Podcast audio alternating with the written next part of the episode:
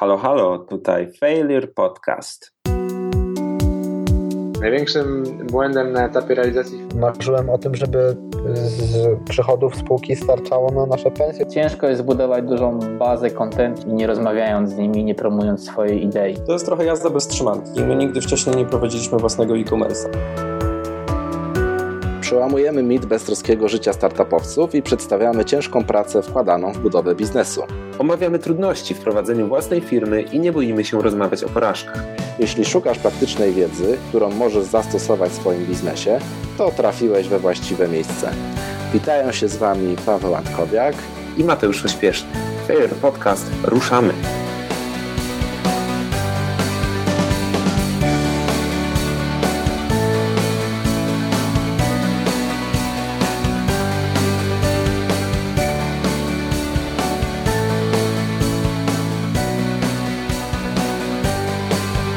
Cześć, witajcie w kolejnym odcinku Failure Podcast, który będzie trochę inny niż wszystkie.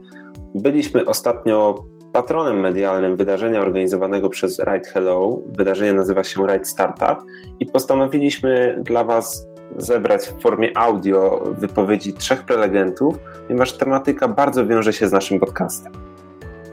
Prelegentami będą Piotr Zaniewicz z Ride Hello, Tematyka to wchodzenie na rynki międzynarodowe, błędy jakich można unikać. Sergiej Budko, CMO z Callpage, marketing startupie, porady i błędy. Oraz trzecia osoba Filip Duszczak, CEO InStream.io, 21 miesięcy startupu i 21 kosztownych błędów.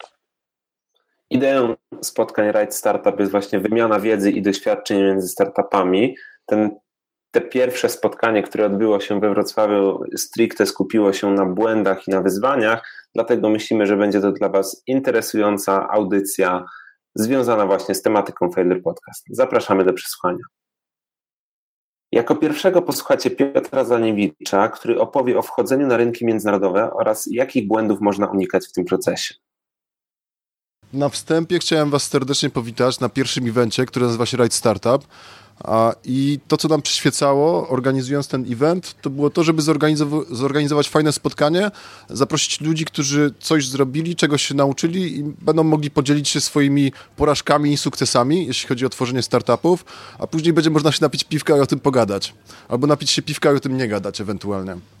Także jak wolicie. Można nie pić piwka i gadać, tak samo można pić wódkę i gadać, można pić wódkę i nie gadać. Wszystkie kombinacje są dozwolone. I tak, i w sumie to, to tyle. Także zobaczymy, jak wyjdzie ten pierwszy event. Ja się mega cieszę, że jest nas tak dużo. Trochę e, tutaj przeliczyliśmy się z logistyką, ale poradzimy sobie. Pierwsze wnioski na przyszłość. Pierwsze wnioski na przyszłość, notuj. Dobra, notuj, notuj. E, zajebiście. Dobra, to ja w takim razie zacznę. Jeszcze raz witam Was serdecznie. Brawa dla Was.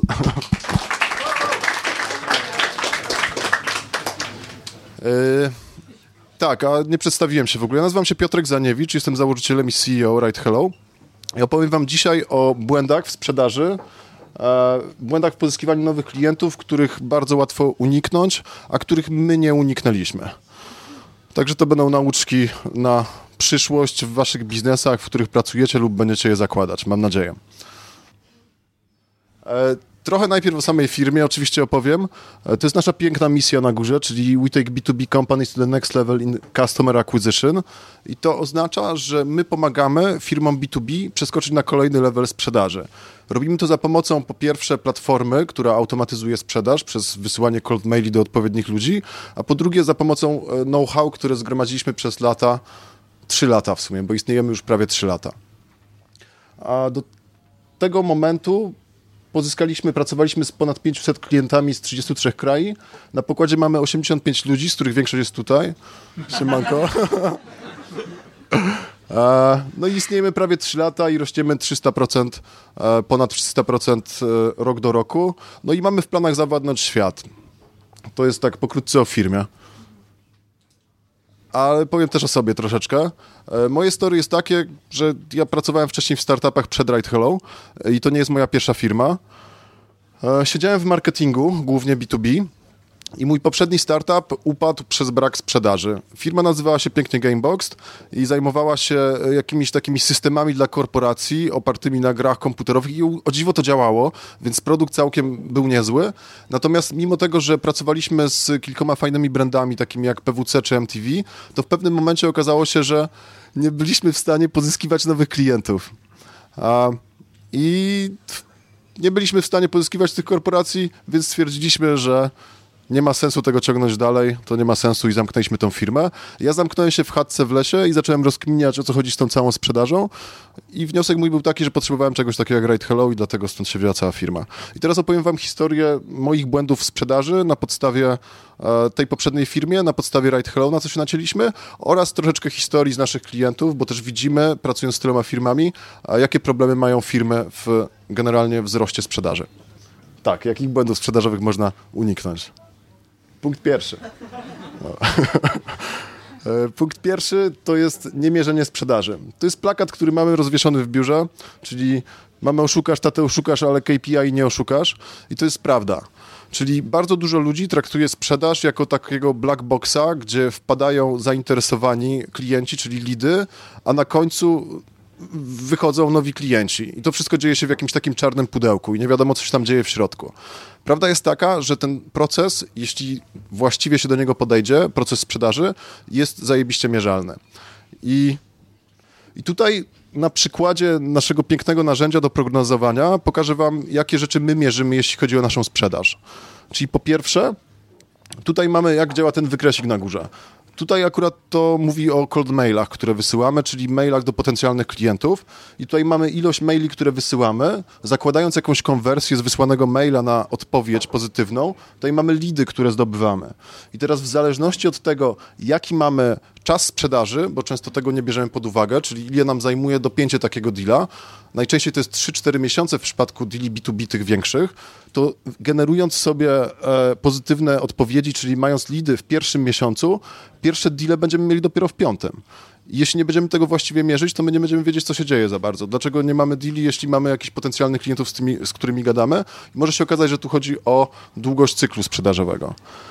Poza tym a, mierzymy takie rzeczy jak źródło lida, czyli wiedzieć, wiemy po prostu skąd przychodzą dobre lidy, a skąd przychodzą gorsze lidy i dzięki temu też możemy zajmować się tymi kanałami marketingu, które konwertują nam lepiej. A konwersja na demo, czyli z iloma z tych lidów jesteśmy w stanie sobie pogadać, zdzwonić, zapytać się co tam i zobaczyć, czego oni faktycznie chcą. Konwersja na deal, czyli faktycznie ile zamykamy ten czas zamknięcia, o którym mówiłem, lifetime value klienta, czyli e, bardzo mało firm to w ogóle mierzy. Znaczy, ile nam taki klient pozyskany przyniesie w określonym czasie kasy do firmy. Znając tą cyfrę, będziemy wiedzieć, ile jesteśmy w stanie zainwestować w pozyskanie takiego klienta i to nam mówi, ile możemy wydawać na marketing tak naprawdę. Powody braku sprzedaży, czyli musimy wiedzieć, dlaczego ludzie o nas nie kupują. Czy to jest przez konkurencję, czy to jest przez to, że to jest za drogo, czy to jest przez jakiekolwiek inne rzeczy. Jak będziemy to analizować, to będziemy mieli dane tak naprawdę ilościowe, na podstawie których będziemy mogli podejmować jakieś decyzje.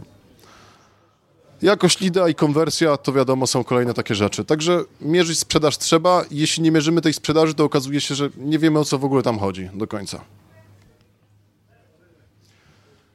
Drugim najczęstszym błędem i też błędem, które, który chyba widzę właśnie najczęściej, to jest niedopasowanie stadium biznesu do kanału sprzedaży.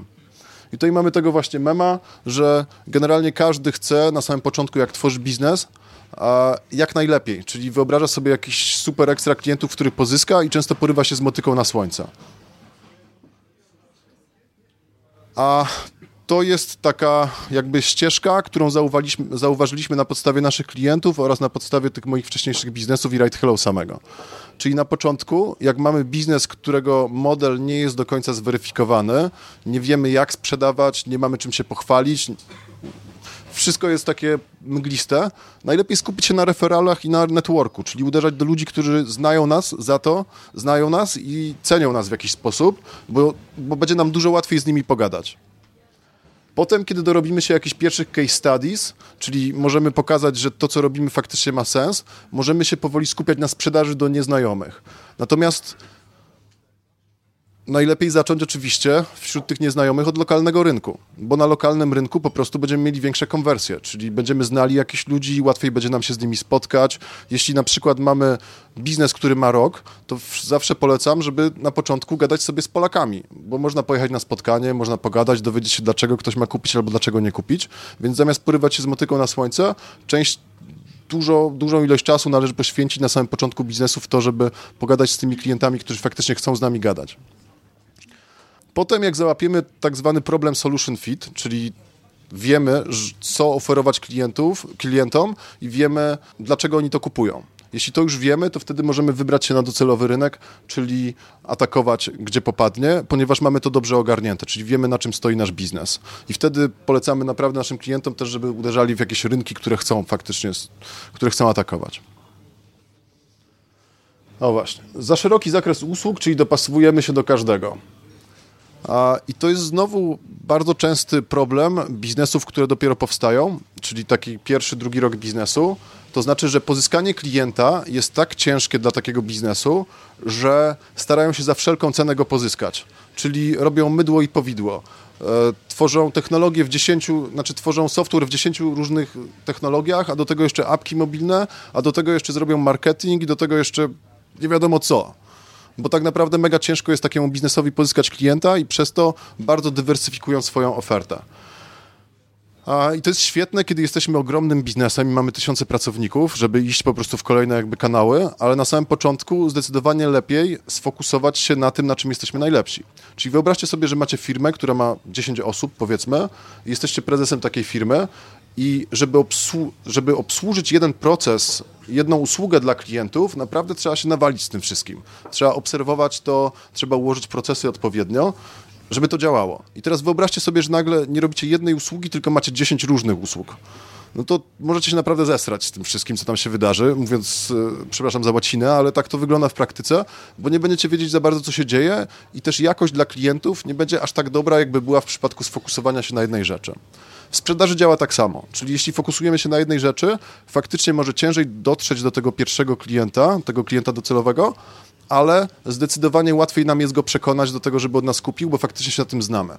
Czyli trafiamy na przykład do e-commerce'ów, e, sklepów internetowych, bo tworzymy apki mobilne dla sklepów internetowych. Jak gadamy z tym sklepem internetowym, to oni wiedzą, że faktycznie się na tym znamy, a my mamy się czym pochwalić i faktycznie świetnie ich obsłużymy. Więc to jest mega, mega kluczowe. Są dwie książki, które polecam, e, które mówią właśnie o tym, jak w biznesach usługowych zachować ten fokus na jednej prostej usłudze, dzięki czemu będzie można ten biznes skalować. To jest Build to Sell oraz książka naszego dobrego znajomego Mateusza Tarczyńskiego, Metoda 7C. I mega polecam te książki, jeśli myślicie o zaczęciu własnego biznesu lub właśnie zaczęliście własny biznes. Bo one wam powiedzą, w jaki sposób sobie pokierować tym rozwojem, żeby było spoczko. Źle dobrany target, czyli mamy sobie biznes, to są nasi aktualny, aktualni klienci, a to są nasi wymarzeni klienci. I jak bierzemy nowe akcje jakieś sprzedażowe, to zazwyczaj zaczynamy myśleć o tych wymarzonych klientach. Czyli, że chcę pracować z korporacjami Fortune 500 ze Stanów. Natomiast w portfolio mam lokalne firmy 50-osobowe z Wrocławia. No to tutaj mamy lekki dysonans ponieważ mega ciężko będzie dotrzeć do tych korporacji tamtych. Więc pole walki tak naprawdę jest pomiędzy tymi wymarzonymi klientami, a tymi, których mamy aktualnie. Czyli to jest kwestia przesuwania się delikatnie up market, tak zwane, pozyskując coraz fajniejszych klientów. Czyli lepszym wyborem zamiast Fortune 500 będą korporacje z Polski albo firmy tysiącosobowe, których jest mnóstwo z Dolnego Śląska. I po kolei, pozyskując kolejnych takich klientów, możemy iść, aż dojść, dojdziemy sobie w końcu, szybciej lub później, do tych firm z Fortune 500.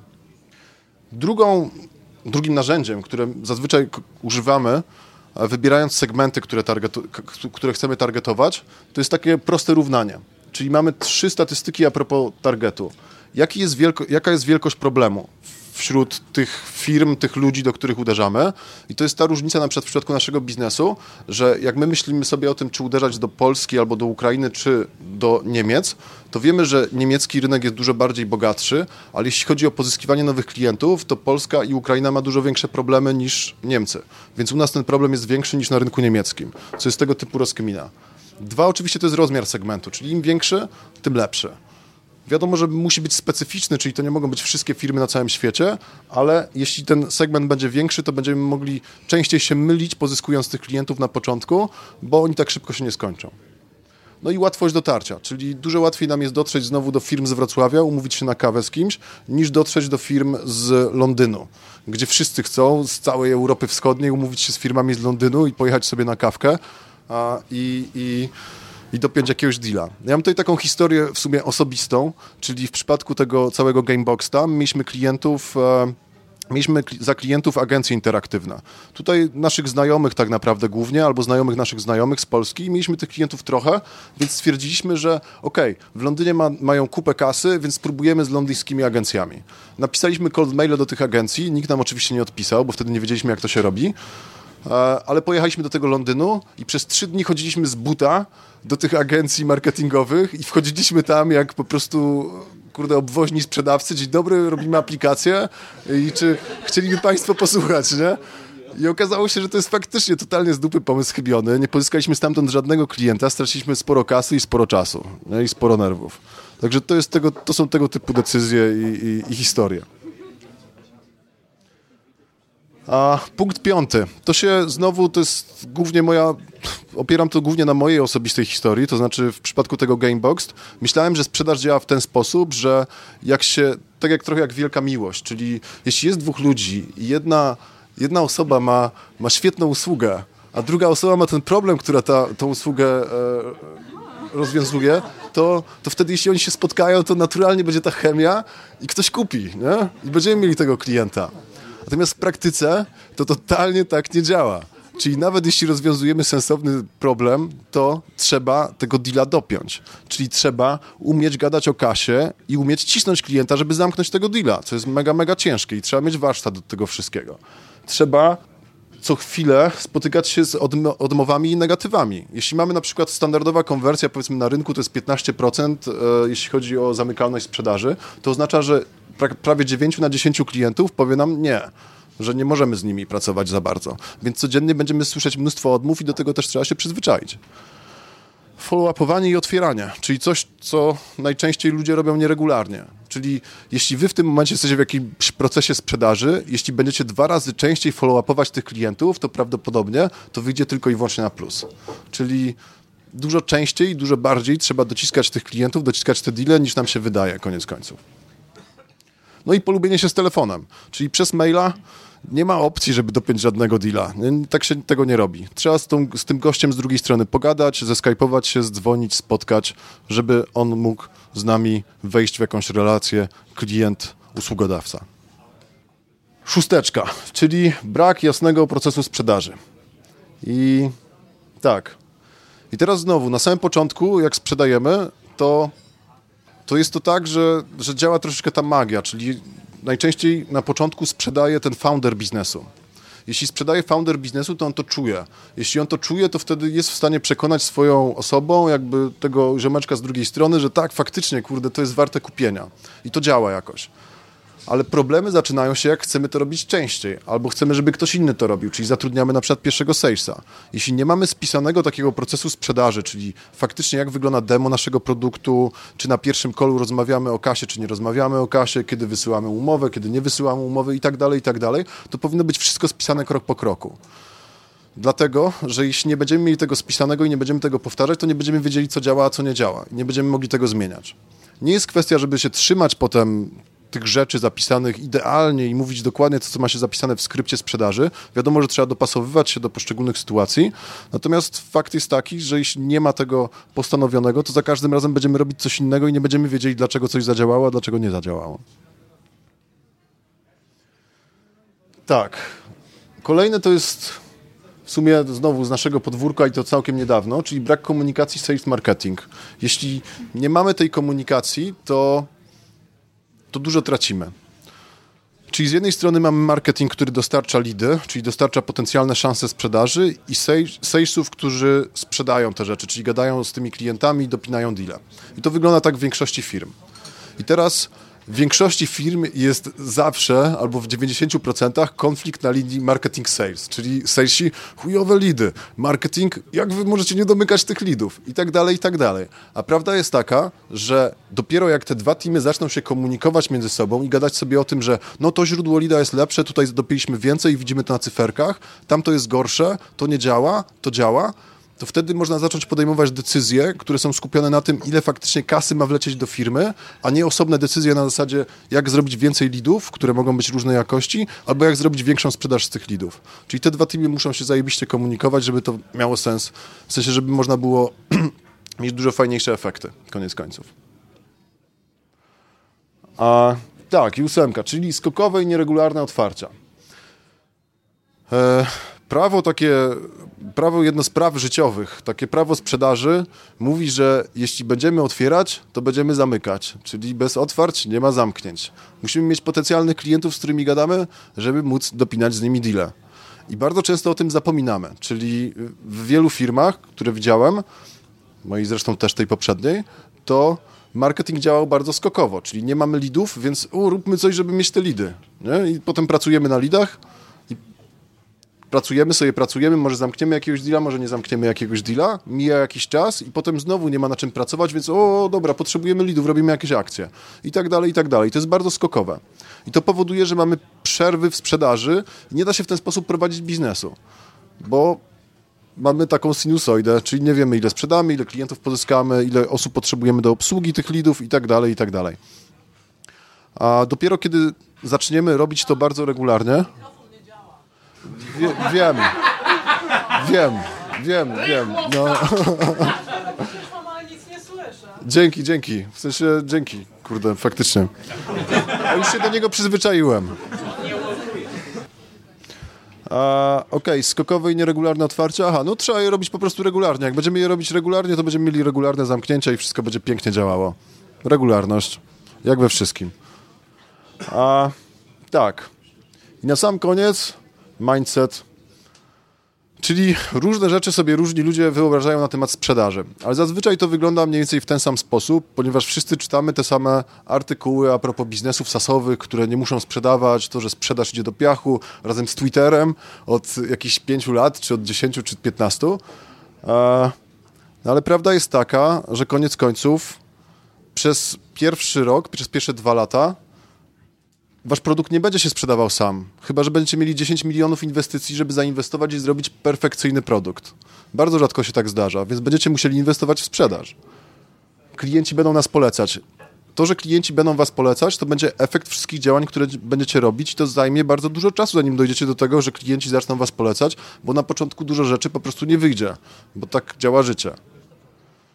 Zatrudnię sobie kogoś do sprzedaży i nie będę musiał tego robić. Jak zatrudnisz kogoś do sprzedaży i w jaki sposób ocenisz jego pracę, jak nie wiesz, jak działa sprzedaż za bardzo. I to jest bardzo częsty problem, czyli jak masz nauczyć kogoś sprzedawać tego produktu, jeśli nie wiesz, jak go sprzedawać do końca. Więc na samym początku, tak, to faktycznie, to, to founderzy biznesu muszą sprzedawać i robić tą sprzedaż. No i ostatnie, co często do nas trafia, czyli sprzedaż można outsourcować. To jest sprzedaż to na samym początku biznesu, a często w dużej ilości biznesów to jest na każdym etapie najbardziej korowa jednostka firmy. Czyli jeśli sprzedaż działa, to wtedy nikt nie narzeka na brak gotówki, bo sprzedaż przynosi gotówkę. I nie można outsourcować części, która jest jedną z najistotniejszych części w biznesie. Więc koniec końców mega ważne na samym początku jest, żeby pozbyć się tego mindsetu. Czyli żeby stwierdzić, że faktycznie, kurde, trzeba tego się nauczyć, trzeba to robić w jakiś sposób dobrze, rozsądnie i mądrze, a no jakoś to przeboleć. Więc e, tymi miłymi, miłymi słowami e, zakończę swoje lekcje, czyli to jest dziewięć lekcji, które mam nadzieję, ja się na tym naciąłem, na większości z nich, albo ja, albo na jednej firmie, albo na drugiej, albo nasi klienci też się na tym nacinali. Mam nadzieję, że chociaż jednego z tego unikniecie, tego problemu i wyciągniecie to faktycznie z tej prezentacji, bo to nie są trudne rzeczy. To są w miarę oczywiste rzeczy, o których mówiłem, ale te oczywiste rzeczy często są bardzo nieoczywiste, dopóki ich nie poznamy. Także dzięki. Dziękuję. E... Kolejną rozmową jest Sergiej Budko, CMO Callpage, i tematem jego wypowiedzi jest marketing w startupie, porady i błędy. Cześć wszystkim. Cześć. bardzo dziękuję organizatorom za zaproszenie.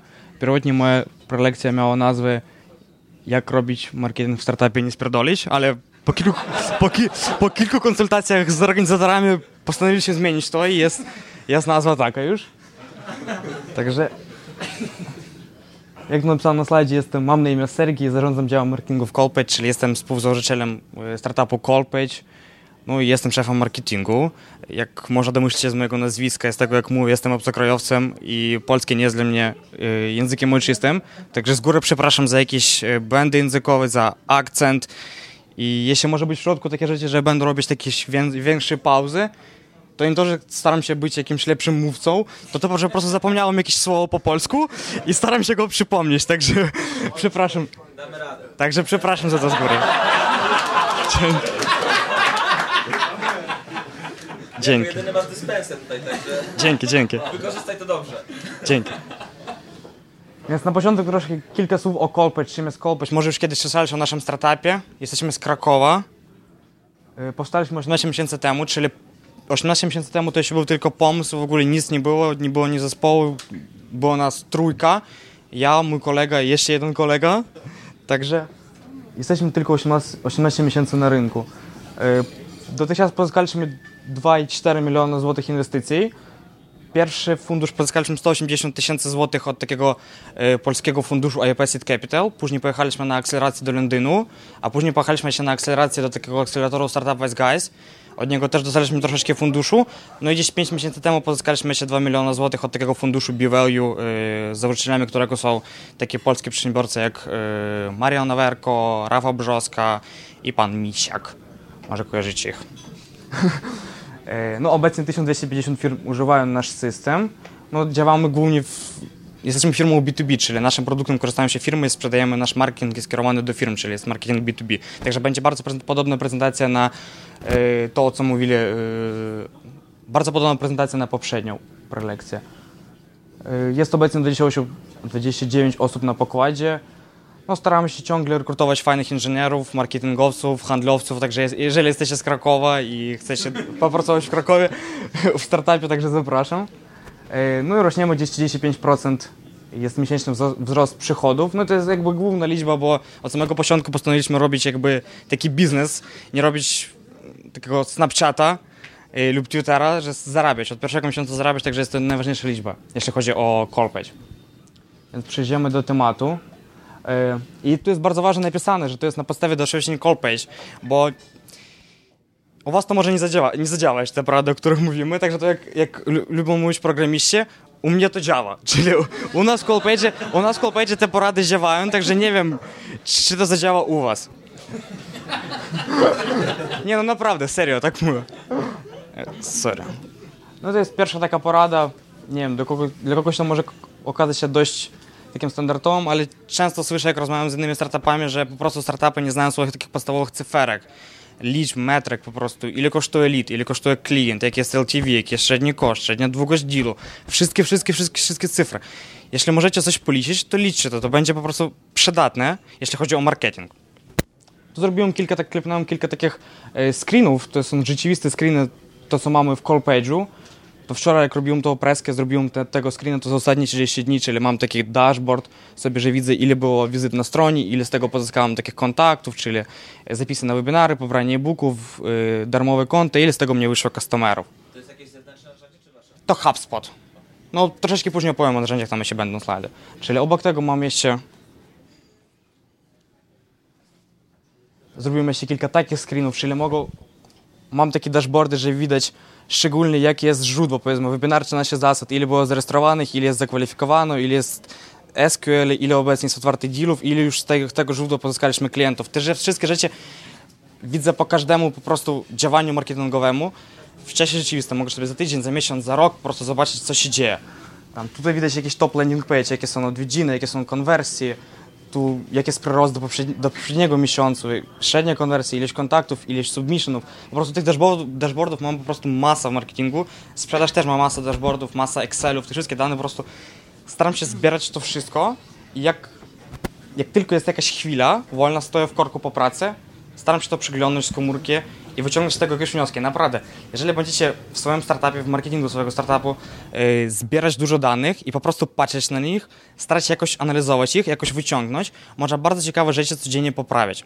Czyli widzicie jakieś różnice w konwersjach, w otwieralności, w open rate'ach, w response rate'ach, w, w czymkolwiek. O, jest pomysł, to można poprawić, jest pomysł, to można poprawić, tak codziennie.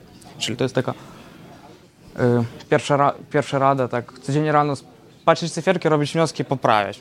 Czyli naprawdę to warte. Czyli jeśli mówimy o marketingu w startupie, to warto to ciągle, ciągle, ciągle e, sprawdzać, analizować i poprawić. Następna rada to wykorzystujcie Trello i Slack do zarządzania pracą działu marketingu. E, startup to takie... Dla mnie startup, start, marketing w startupie to jest taki chaos, taki bałagan, powiedzmy tak, po polsku, jak prosi pan.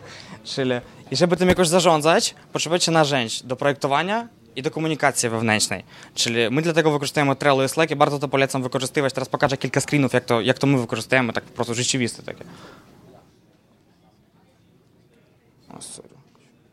No powiedzmy, tak wygląda taki marketing flow, czyli mamy content, webinary, produkt, PR, inne rzeczy, jakieś KPI, tam jeszcze dużo, dużo różnych state'ów, tym narzędziu to jest Trello, jest darmowa wersja, jeżeli zaczynacie swój startup, po prostu założycie Trello i korzystajcie z niego. Można sobie, my tu wypisujemy projekty, checklisty, deadlines, kto jest odpowiedzialny, wszystkie, wszystkie, wszystkie rzeczy to bardzo pomaga, bo w startupie jest dużo różnych rzeczy, robi się naraz. Jeżeli szybko rośniecie, a jeśli robicie startup, to wy jakby powinniście szybko rosnąć, także dużo rzeczy robi się naraz i to pomaga po prostu do zarządzania. Zarząd, zarządzania. Yy, tak na przykład wygląda taki to-do flow, czyli są new taski, taski, które już są w backlogu, taski, które jest w pracy, zrobione, jakieś tam inne rzeczy. Jakoś mniej więcej to wygląda tak. Sorry, jakiś slajd. Na przykład tak wygląda Slack, to jest narzędzie do komunikacji wewnętrznej zespołowej. Też jest darmowa wersja, jeżeli zaczynacie swój startup, to zaczynacie z tego korzystać, to warte. Mam różne wątki do marketingu, do sprzedaży, do wszystkiego, wszystkiego, wszystkiego. Od razu daję jakieś komentarze do zespołu, czyli ciągła wewnętrzna komunikacja bardzo szybka. Y, są dużo różnych jakichś integracji, wszystko jest w jednym miejscu, czyli jeśli mówiąc o Slacku i Trello, połączenie tych dwóch narzędzi dałam taką kontrolę po prostu nad tym, co się dzieje, a dzieje się dużo rzeczy w marketingu i drugie to dałam szybkość po prostu zarządzania, zarządzania i komunikacji o tym. A to jest bardzo ważne w startupie, jeśli mówiąc o szybkim rozwoju. Trzecia porada już było to w poprzedniej prelekcji, to określić swoje KPI i skupić się na nim. Nie wiem, czy to jest jakby prawidłowo, bo pan tu mówił, że to jest coś y, złego, żeby skupić się na jednej rzeczy, ale to jest bardzo powiązane. Wy robicie dużo różnych rzeczy i w ogóle w startupie bardzo dużo jest różnych rozpraszaczy i bardzo łatwo stracić się skupienia. Tak zrobiłem sobie takiego slajda. Jak wygląda tak typowy startupowiec. Czyli jakoś mniej więcej tak. Tyle rzeczy ma na głowie, i to jest tylko tak, o których wczoraj wspomniałem. Tak w rzeczywistości ma dużo więcej trzeba zrobić. Jakieś wizytówki, prezentacje, jakieś inwestorzy, kogoś tam pozyskać, jakieś tam artykułów, blog, kliencie. Trzeba dużo rzeczy robić naraz po prostu i bardzo łatwo stracić skupienie. A żeby rosnąć, szybko rosnąć, trzeba wybierać swoje KPI, te cyferki, których, te cele, których planujecie osiągnąć i na nich skupić się. I po prostu ciągle, ciągle, ciągle w tym temacie iść.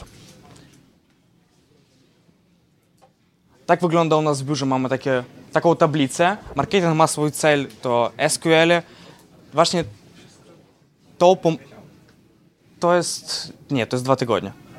Yy, właśnie tak, taki pomysł dostaliśmy od Bartosza Majewskiego z Write Hello. Powiedział, że to jest fajna rzecz, że robicie taką rzecz, my wzięliśmy ten pomysł i robimy. Czyli i ta tablica jest ciągle codziennie odświeżana. Czyli jak ktoś idzie w biurze po prostu, idzie, widzi tą tablicę i od razu widzi, jak ktoś nie dowozi po prostu wynik lub idzie bardzo fajnie z wynikiem. Ciągle po prostu tablica jest co wieczór odświeżana i wszyscy widzą, cała firma widzi, co się dzieje z kluczowym wskaźnikiem. Tak sam, takie same KPI mają sales, custom support ma troszeczkę inny KPI, produkt, yy, development ma podobny KPI, czyli trzeba wybierać KPI, i skupić się na nich. Ale tu taki powstaje jeszcze jeden problem, jakie KPI wybrać, jak w ogóle dojść do tych KPI-ów, jeżeli zaczynacie swój startup. trochę to powiem na takim przykładzie Callpage. Na przykład dział sprzedaży ma cel pozyskać 100% klientów za miesiąc. Tak? Czyli jeśli wracając do pierwszej, do pierwszej rady i lecicie swoje cyferki, dla was nie będzie problemu wyliczyć to, wyliczyć swój pipeline. Czyli ile potrzebujecie SQL-ów, żeby zrobić te 100% klientów, czyli powiedzmy, znacie te cyferki, znacie, żeby pozyskać 100 klientów. To jest bardzo uproszczony model, oczywiście to jest różnica w miesiącach, retencja, drugiej iteracji przetwarzania leadów, lead nurturing, ale to jest bardzo uproszczony model. Czyli żeby pozyskać 100% klientów, potrzebujecie 550 SQL, czyli żeby pozyskać 550 SQL, potrzebujecie 1500 po prostu leadów. I żeby zrobić te leady, potrzebujecie zrobić tam 7 webinarów, 2 e-booka i napisać 3000 cold mailów. Czyli macie określone KPI i rozkładacie po prostu pipeline i ten pipeline wpisujecie w Todo w Trello. No i wszystko. Cały marketing macie. Czyli nie wiem co, co jeszcze. To jest, to jest na tyle jakby, to jest, jedna to jest jedna strona na tyle proste, a z drugiej strony na tyle trudne, że no nie wiem, nie wszystkich to udaje. Ale, ale to, mi się wydaje to bardzo proste. Czwarta rada. Yy, postarajcie się nie płacić za reklamy. No, to jest dość takie kontrowersyjna rzecz, ale mi się wydaje, że wy tylko zaczynacie swój startup, tylko, tylko zaczynacie i na samym początku myślicie o tym, że żeby pozyskać klientów, trzeba wydać kasę na promo, to coś z waszym startupem jest nie tak. no mi się tak wydaje. Bo bardzo dużo rzeczy, jeśli chodzi o marketing, o przyciągnięcie ruchu, e, leadów, można zrobić darmowo. Czyli mam nadzieję, że następny slajd was troszeczkę do tego przekona. Czyli jeśli nie da się za darmo, to można zapłacić, ale zawsze jest, zawsze jest możliwość zrobić to za free. Czyli mi się wydaje, że marketing jest w tym, sens, w tym sensie bardzo podobny. Rada numer 5. Wszystko można zrobić się dwa razy taniej i trzy razy szybciej. Naprawdę wszystko. Czy... Nie wiem, czy warto. Zależy. Y, żeby zrozumieć, o co to chodzi, teraz opowiem jedną taką historię. Mamy ich tak bardzo dużo za te 18 miesięcy, które pracujemy w Colpage, ale opowiem tylko jedną. Na samym początku, jak tylko zrobiliśmy produkt, y, gadaliśmy z potencjalnymi klientami, z inwestorami, bardzo ciężko było wytłumaczyć, o co w ogóle chodzi z naszym produktem. No i założyliśmy, że fajnie będzie wytworzyć taki filmik, na jedna, dwie minuty, żeby w tym filmiku troszeczkę, żeby ten filmik jakby opowiadał za nas o tym, czym jest nasz produkt, czyli no, było takie założenie, ja poszedłem do agencji, znalazłem taką agencję, którą robi taką bardzo fajną infografikę. Przyszedłem, powiedziałem, co chcę zrobić, oni to wycenili 3,5 tysiąca i tam coś miesiąc wycenili to pracę. 3,5 tysiąca złotych netto miesiąc i będzie taki filmik. Ja kiedyś już pracowałem z agencjami takimi kreatywnymi, także od razu to pomnożyłem na dwa. Przyszedłem do naszego prezesa Rosa i mówię, że takie tak, tyle to będzie kosztowało. On mówi, że kurczę stary, to się trzeba pomnożyć na dwa, bo też pracował kiedyś z agencjami. Ja mówię, że stary, ja też pracowałem, już to pomnożyłem na dwa. On mówi, i tak to jest drogo, nie ma szansy. No co, to nie ma szansy. E, ale ja walczyłem dalej, pamiętam, że miałem, miałem na studiach takiego chłopaka w kole naukowym, który tam coś ogarniał filmiki, to wszystko poszedłem do niego, mówi, że stary, takie tak, jest taki pomysł, on tam otworzył lapka, mówi, że dwie stówy to zrobicie. Czyli nie, w dzień to było, także w dzień. Czyli no przychodź do mnie, czyli przychodź do mnie, zrobimy. No i zrobimy jakiś tam scenariusz, napisałem jak ten film powinien wyglądać. Chcieliśmy do rana to robiliśmy, zapłaciłem mu, no spokojnie. Później trzeba było się zrobić dźwięk, także nam się kosztowało to, żeby zrobić takie native speaker, żeby Polak nagrał to, to się zapłaci, się 0,5 wódki to kosztowało, żeby dać Polaku, żeby zrobił takie fajne nagrania, ale naprawdę to nam ten filmik kosztował jakoś... Czyli... No to dokładnie, to jest ten filmik, który na początku stworzyliśmy, on już jest niedostępny na YouTube, także jest, jesteście na YouTube, ale już jest niedostępny. No i później oczywiście, jak zrobiliśmy ten filmik, ten tanie, ten po prostu, on był po prostu okropny, ale działał. Ja naprawdę mówię, że działał. Czyli ja go pozyskałem potencjalnym inwestorom, klientom i działało. Czyli jak powiedział, rozdziała, trzeba inwestować. No i za kilka miesięcy stworzyliśmy już normalny, zamówiliśmy do agencji, już normalny filmik. Ale to pokazuje to, że można zrobić wszystko, jeśli nie trzy, to przynajmniej dwa razy taniej i szybciej. I do tego tak trzeba podchodzić. Że wam ktoś powie, że to kosztuje tyle, a dlaczego to kosztuje tyle? Może jakoś może szybciej, taniej. Może to można za free kogoś wziąć. Czyli takie podejście, jeśli chodzi o marketing, takie podejście wam pozwoli robić wszystko szybciej, szybciej rosnąć. Porada numer 6. Y, szukajcie partnerów i przyjaciół. O co tu chodzi? Chodzi o to, jeżeli wy planujecie wydawać mniej kasy na marketing, na sales, potrzebujecie jakoś to robić za darmo. Jak to robić za darmo? Bardzo fajnym jakby pomysłem jest to, że czy wiesz, że twoi klienci, potencjalni klienci już obecnie klienci kogoś innego. To są bardzo wa ważne jakby pomysły. Trzeba zrozumieć, że jeżeli to robisz jakiś startup, masz jakąś grupę docelową i ta grupa docelową, do której chcesz dążyć, już obecnie korzysta z jakiegoś narzędzia. Może być nie z twojej konkurencji, a w ogóle korzysta z jakiegoś narzędzia. Już jakiś biznes, on już jest klientem jakiegoś biznesu. Czyli i może warto nie płacić za Facebook, płacić za AdWords, za banery, płacić za jakieś tam artykuły sponsorowane, a po prostu pójść do tych firm, u których twoi potencjalni klienci już klientami i jakoś z nimi dogadać się i zacząć pracować wspólnie. Teraz powiem, jak to może zrobić. Słucham?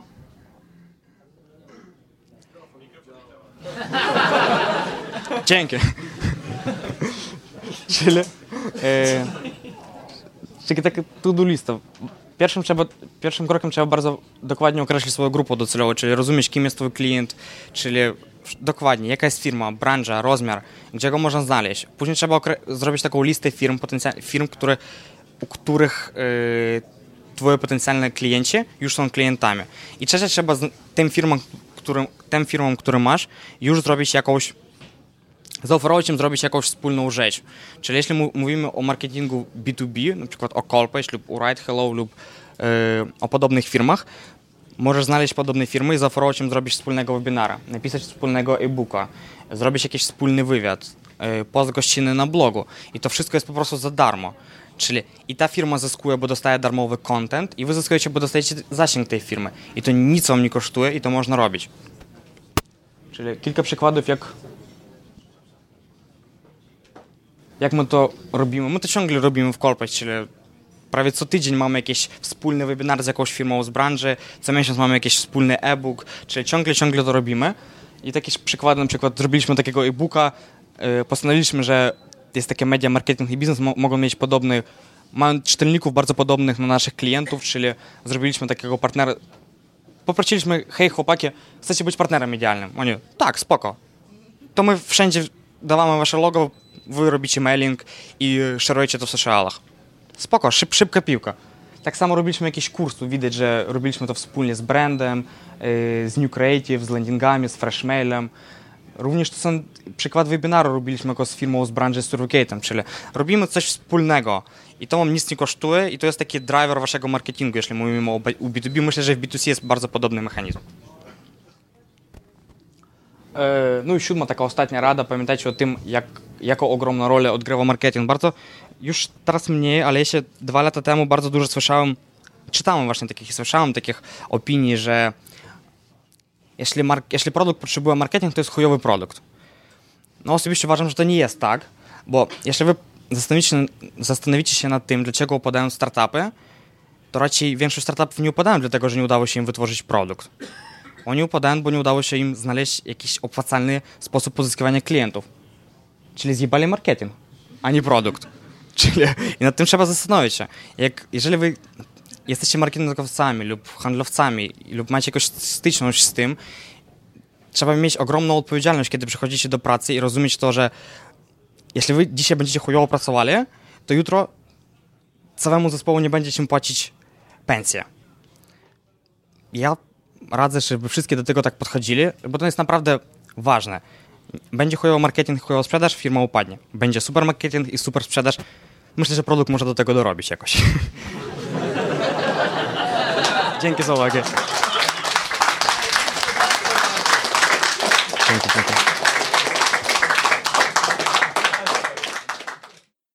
Na koniec zachęcamy Was do wysłuchania Filipa Duszczaka, który omawia 21 miesięcy startupu i 21 kosztownych błędów. E, słuchajcie, dzięki w ogóle za zaproszenie. Mega fajnie być we Wrocławiu. E, e, chciałem zacząć w ogóle od tego, że mega fajnie tu być, dlatego że wy macie zarąbiste startupy i szczerze wam mówię, doceniajcie to. E, ja wbijam bardzo rzadko. E, rzadko wracam do Poznania trzeźwy, ale szczerze rzadko wtedy, czy zawsze mam zanobiste pomysły w, w, pociągu, bo macie tutaj takie firmy, gdzie naprawdę, słuchajcie, jest, jesteście się w stanie, a czy jesteśmy wszyscy w stanie się wiele nauczyć. Generalnie nazywam się Filip Duszczak, prowadzę firmę w Poznaniu. E, temat mojej prezentacji faktycznie będzie, do, a miałem trzymać, faktycznie będzie dotyczyć e, będzie, będzie no, nagrywa się podcast, wiesz, będzie dotyczyć, e, do, dotyczyć błędów, jakie popełniliśmy przez ostatnie dwa lata, a zobaczycie, że było ich sporo. E, co jednak ważniejsze, tak naprawdę, e, my bardzo lubimy się dzielić wiedzą w InStreamie, bardzo dużo puszczamy artykułów i tak dalej, jak to zrobić i tak dalej, ale mega, wydaje mi się, specjalnym jest stanąć przed wami, raz, że przed sobą przyznać się do tego, co się spieprzyło, a dwa, powiedzieć to na głos ale wydaje mi się, że to jest mega ważne, bo to, bo to naprawdę bardzo dużo uczy. Słuchajcie, dla tych, którzy się generalnie zastanawiają, e, tego loga tam nie widać, ale skąd się gościu wziął i generalnie co robi, dlaczego tam jest logo Shazam e, do góry. E, myśmy stworzyli taką platformę do zarządzania sprzedażą i budowania relacji, czyli generalnie w uproszczeniu, jeżeli jesteście chujnie zadowoleni z, z CRM-ów i nadal pracujecie na Excelu i tak dalej, to, to my jesteśmy gośćmi, którzy ogarną waszą sprzedaż, pozwolą wam tym wszystkim zarządzić e, i tak dalej ale nie będę się tu dzisiaj sprzedawać. Jak ktoś ma później ochotę, to, to bardzo chętnie pogadam. Słuchajcie, myśmy niedawno wypuścili artykuł e, na Mam Startup. I, I to był artykuł na temat tego, ile popełniliśmy błędów. I to było tak, że pamiętam chyba zaczęliście, zaczęliście wy chłopacy, później, później wrzuciliśmy my, to gdzieś tam poszło wiralem i tak dalej. I później, później to już poszło tego bardzo dużo. I generalnie, co mnie mega, słuchajcie, zdziwiło, ja trochę tak od dupy strony zacznę, bo zacznę tą prezentację właściwie od puenty. E, co mnie mega wtedy zdziwiło, to jest to, że jakby myśmy wypuścili ten artykuł i słuchajcie, mnóstwo maili typu, ło stary, ale w ogóle fajny artykuł, bo my mamy te myśmy te same błędy zrobili, że ja nie mogę, ale fajnie się przyznajecie do takich błędów, u nas było dokładnie tak samo i tak dalej, i tak dalej. Mnóstwo komentarzy gdzieś tam na, na portalu Mam Startup i tak dalej, i tak dalej. Mnóstwo komentarzy na, na, na, na Facebooku, na tej grupie startupowej. Ja sobie tak kuźwa myślę, mówię, no dobra, no to, to zaraz. Y, milion portali typu growth hacking, inbound i tak dalej, i tak dalej. Każde miasto ma 1500 spotkań i, i, i, mnóstwo materiałów o tym, jak dobrze zrobić firmę i tak dalej. Nagle dwie, trzy firmy przyznają się do tego, ile tam błędów zrobiły, nagle tak jakby w kółku AA i, i wszyscy machają tak ręką, że, że my robimy dokładnie tak samo. I ja się zaczyna, zacząłem zastanawiać, mówię, kuźwa, no to jak to jest, że, że mamy, mamy idealnie wytyczone materiały, jak mamy postępować, a nagle się okazuje, że wszyscy robimy te same błędy.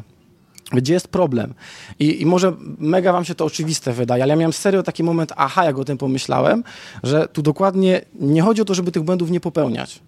Bo sorry, możemy za chwilę wypić dwa litry wódki, się o to kłócić, ale każdy z was te błędy popełni i dam się założyć o to. Nie wiem, czy dzisiaj, nie wiem, czy już popełniliście, czy zrobicie je za rok w momencie, kiedy macie już wysoki wzrost i tak dalej, ale część błędów każdy z nas popełni. I tu nie o to chodzi, żeby spotkać się dzisiaj po to, żeby pogadać o tym, żeby tych błędów nie robić, tylko pogadać o tym, jaką lekcję z tych błędów wyciągamy. I jakby ja zmierzam do tego, że e, skupmy się na tym, co wyciągamy z tych wszystkich błędów, bo jakby pogadamy, ja też w trakcie prezentacji będę gadać o samym tym środowisku startupowym, jakie mam podejście do tego, ale wydaje mi się, że jeśli już mówimy, że jest coś takiego jak startup, to całą wartością jest tego to, że na bardzo wczesnym etapie stać nas na błędy, które nie zabijają firmy. Jak się o tym mówi, że wiecie, że tam jeden na 10 wychodzi i tak dalej, i tak dalej, to według mnie wychodzi tym, którzy bardzo szybko potrafili zrozumieć swoje błędy i bardzo szybko e, jakąś tam iterację wprowadzić w swojej firmie i, i, i te błędy tak naprawdę wyszły im na dobre. Niestety nie działa wideo. Myślałem, że będzie działać. To takie wideo, że tam wiecie, goście tam zjeżdżają na rowerach, rozwalają się i tak dalej, tak dalej. Miało być fajnie, zabawnie. E, generalnie chciałem nawiązać do tego momentu aha. Czyli to jest ten moment, jak jesteście pod prysznicem i wpadacie na ten moment, że o, ale tam zrobię taką firmę i podbiję cały świat. E, słuchajcie, to jest generalnie bardzo ważne, jak zaczynacie zakładać startup. E, za chwilę będziemy pokazywać, że my mamy przez 20 parę miesięcy chuj błędów, tak? Czyli mnóstwo błędów, mnóstwo frustracji nieraz i tak dalej, stresu, bo to jednak jest firma i tak dalej. I ten moment aha jest bardzo ważny. Dlatego, że jak prowadzicie firmę, to na was ludzie patrzą. I jeżeli wy stracicie w pewnym momencie ten, ten power, tą wiarę w ten pomysł, to nikt za wami, za wami dalej nie pójdzie. Dlatego jeżeli wpadacie na pomysł, ten pomysł w pewnym momencie bardzo często pivotuje, tak? E, on się zmienia, on może w pewnym momencie być prawie o 360% inny, ale wy macie w niego wierzyć. To jest mega bardzo istotne, bo na tym etapie od pomysłu do, do, do momentu, kiedy macie firmę, ludzi, robicie hajs, tam będzie mnóstwo takich sytuacji, gdzie, gdzie jesteście, nawet wy jesteście niepewni, ludzie, którzy się uważają za najmądrzejszych, będą wam mówić, że jesteście głupi i tak dalej, i tak dalej, bo są mądrzejsi. Bardzo jest ważne to, żeby w ten moment a, gdzieś tam aha, został w głowie. Słuchajcie, ja jak w, e, z, zaczynałem w ogóle firmę, e, szczerze, kompletny Janusz, słuchajcie, biznesu. Zero wiedzy, ale z, z, ręką, z, z ręką na sercu. Ja co prawda pracowałem w korpo, zajmowałem się wtedy sprzedażą, chyba trochę za wysoko jest, nie? że tam nie wszystko widać. W każdym bądź razie e, ja pracowałem w korpo, zajmowałem się sprzedażą, pomagałem jakby dużym korporacjom modelować procesy biznesowe i tak dalej, i tak dalej, czyli wydawałoby się, że coś tam liznąłem tego biznesu, a to się nijak ma do momentu, kiedy ja założyłem własną firmę. Bo, bo, bo fajnie jest wpaść do jakiejś tam firmy, pomóc im i tam model, zamodelować coś, ale jak jest moment, że ja muszę samemu to wszystko ogarniać i tak dalej, to jest zupełnie, zupełnie inna sytuacja. I miałem fajne takie zestawienie, później jakby w kontekście paru miesięcy, jak firma się zaczęła, bo pamiętam jak, e, jak myśmy, jak ja zakładałem firmę, e, to, to, to zanim w ogóle udało mi się cokolwiek zrobić, faktycznie zainwestowałem jakoś tam, jakiś tam hajs, zweryfikowałem, czy mój pomysł ma, ma w ogóle sens i tak dalej i poszedłem do inwestora. O tyle wierzyłem w ten mój moment aha, że inwestor wyciągnął kasę. Inwestor wyciągnął kasę i powiedział, dobra, zróbmy to, sprawdźmy, czy w ogóle masz pomysł, zbudujmy prototyp.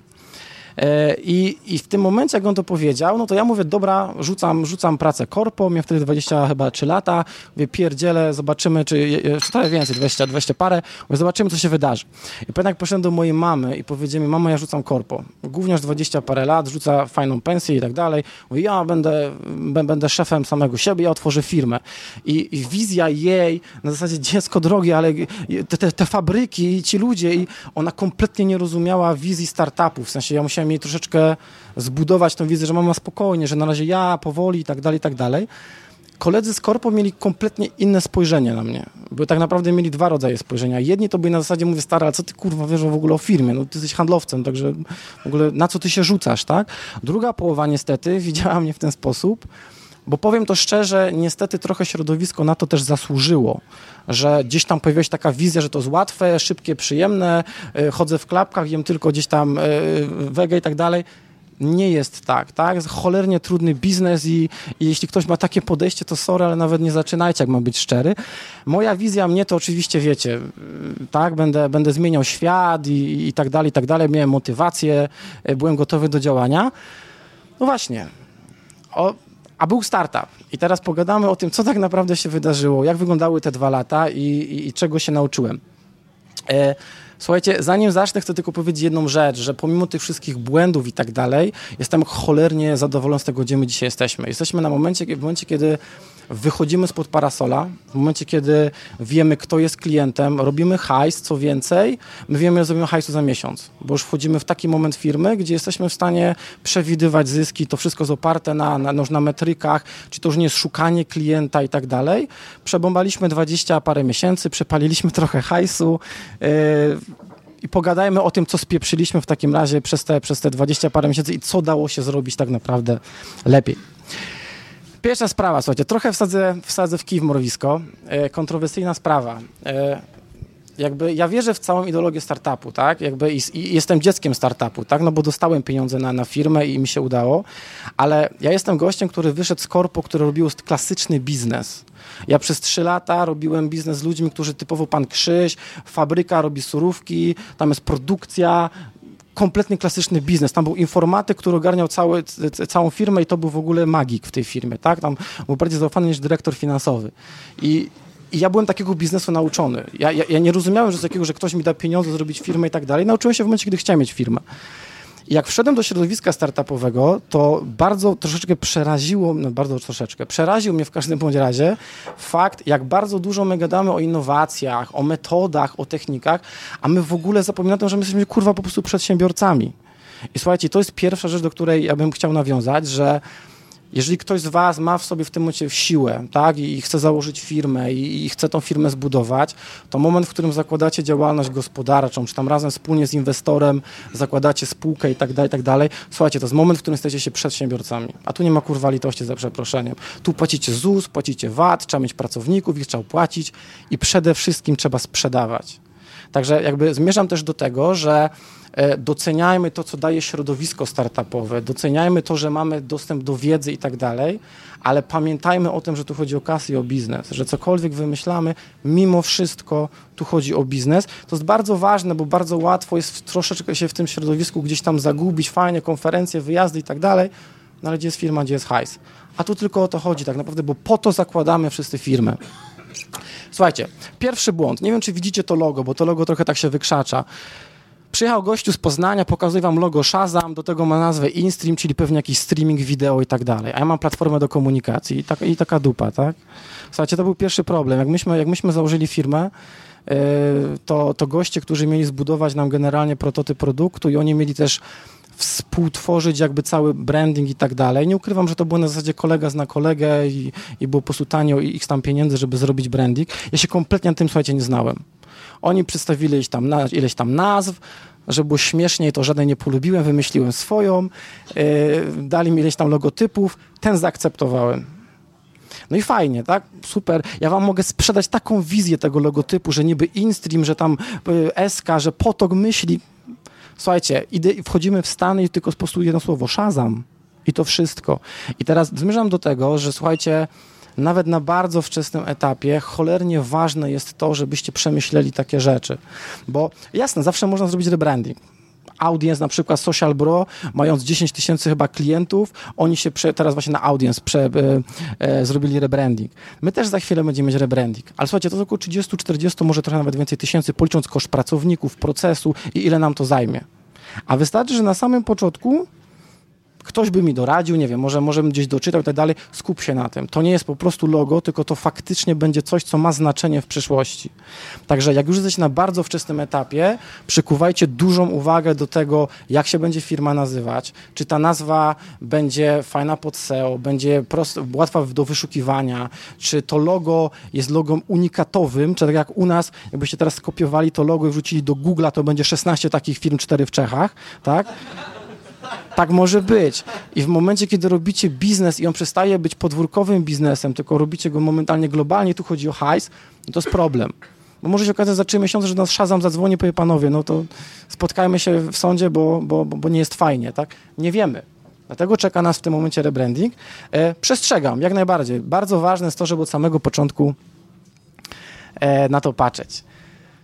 Trochę za to zjechany, y, że, że w moim artykule y, o to, co napisałem. Y, słuchajcie, moja przygoda wyglądała tak, że ja jestem, ja, ja, kompletnie się nie znam na programowaniu. Serio, ja gdzieś tam, jakieś pamiętam w HTML-u jeszcze lata temu w notatniku się robiło stronę i tak dalej, robiłem takie rzeczy, ale później kompletnie zero wiedzy.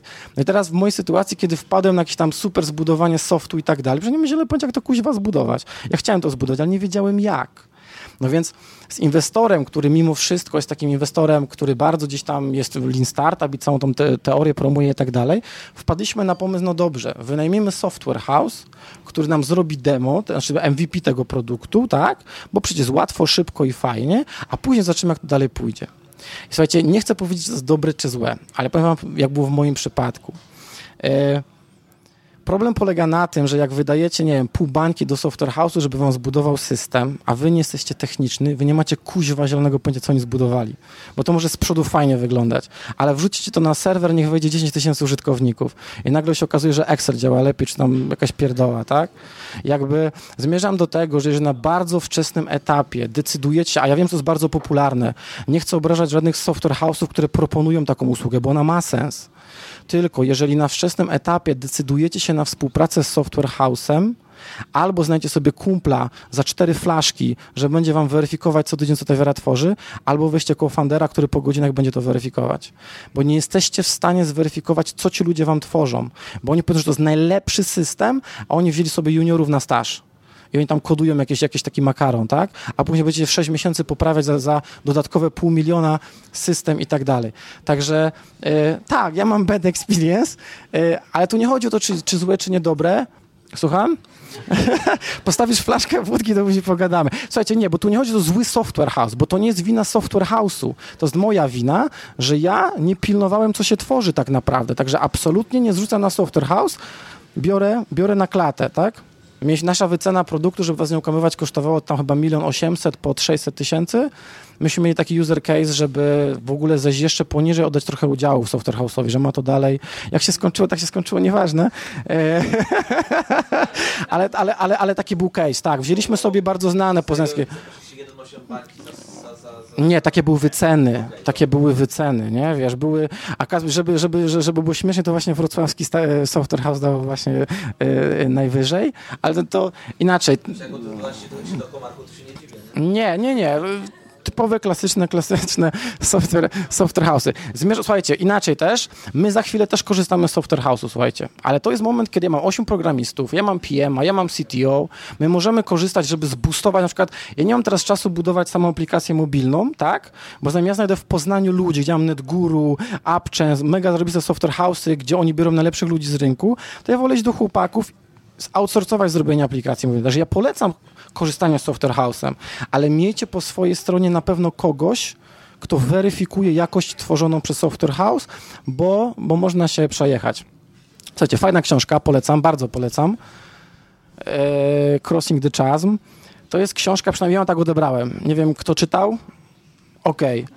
To ja odebrałem, to, to ja tą książkę odebrałem w ten sposób, że ona mi powiedziała, że nie każda marketingowa i sprzedażowa metoda, która w teorii jest skuteczna, na każdym etapie produktu działa. Ja to tak odebrałem, tak, tak zrozumiałem tą książkę.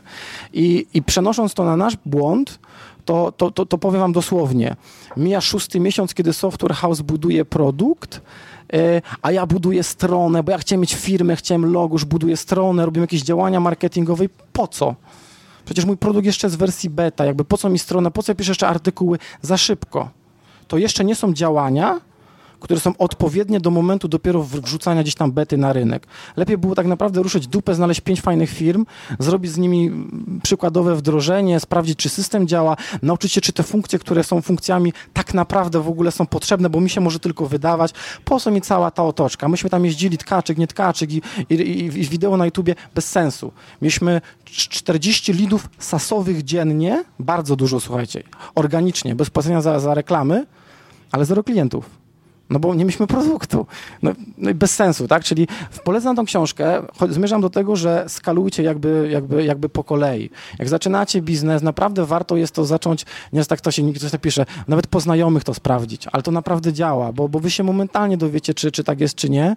E, marketing tak naprawdę moim zdaniem powinien wejść w momencie, kiedy taka B2B sprzedaż zadziałała. Jak macie 3, 4, 5 firm i jest szansa na ten biznes, że ktoś za to płaci, zacznijcie się bawić w marketing. Przecież nie ma to w ogóle sensu, bo co z tego, że będziecie ludzi do siebie przynosić w momencie, kiedy produkt nie sprzedaje. Także to też jest bardzo, bardzo ważna rzecz. Dziękuję. E, we need more interns. E, wy chyba to samo zrobiliście, nie? Myśmy, widzicie, chyba w artykule czytałem. Słuchajcie, e, czwarty czy piąty miesiąc firmy, i ja jeszcze, jeszcze wtedy byłem praktycznie sam i mówię, dobra, to najlepszy sposób, to ja biorę pięciu stażystów, tam wiecie, 700 zł na stażu, jedziemy z marketingiem, tak? E, żeby było fajnie, myślałem, że może, że, może, że może Tomek tu dzisiaj wpadnie, ale go nie ma. Jest, jest chłopak tu u was we Wrocławiu, on był pierwszym moim stażystą, w ogóle mnie roz, ale rozjechał mnie, bo moja pierwsza rekrutacja, ja jestem takim typem człowieka, że ja, ja bardzo szybko ufam ludziom e, i, i ja, ja bym nawet nie zatrudnił wszystkich na samym początku. Ja jeszcze wtedy nie umiałem, jakby jak ktoś przyszedł, mu ładnie z, z oczu patrzyło, to, to, to robimy. Ale Wojtek, Wojtek, e, Tomek był tyle fajny, że e, miał napisane w CV, że był człowiekiem roku 2006 według Timesa. Ja mówię, o kurwa. Poważnie. I, i, i, on, I on przyszedł na rekrutację, on tam gadał, gadał, gadał, a ja szczerze miałem w dupie, co on gada. Ja tylko czekałem, aż go zapytam, o co kurwa chodzi z tym. Nie? Tak, I słuchajcie, wygooglujcie sobie, o co chodzi z 2006, y, New York Times. A powiem tylko, że on przyszedł na marketera, stażysta. Jak wejdziecie, wygooglujecie, to jest to na magazynie Timesa w 2006 roku było lustro i było napisane, ty jesteś człowiekiem roku. Ale słuchajcie, ale takich kuźwa ludzi potrzebujecie w marketingu, tak? Takich ludzi potrzebujecie. Ale problem był taki, że ja zatrudniłem człowieka, który zero analyticsa, zero growth hackingu i tak dalej, po prostu miał gówniarz power. Ale on się u mnie wypalił po dwóch miesiącach bo ja nie umiem tym człowiekiem sterować, bo ja miałem od niego wymagania typu czemu nam nie rośnie, a ten chłopak nie miał żadnego pojęcia, co ma robić, tak? On był po prostu kreatywny.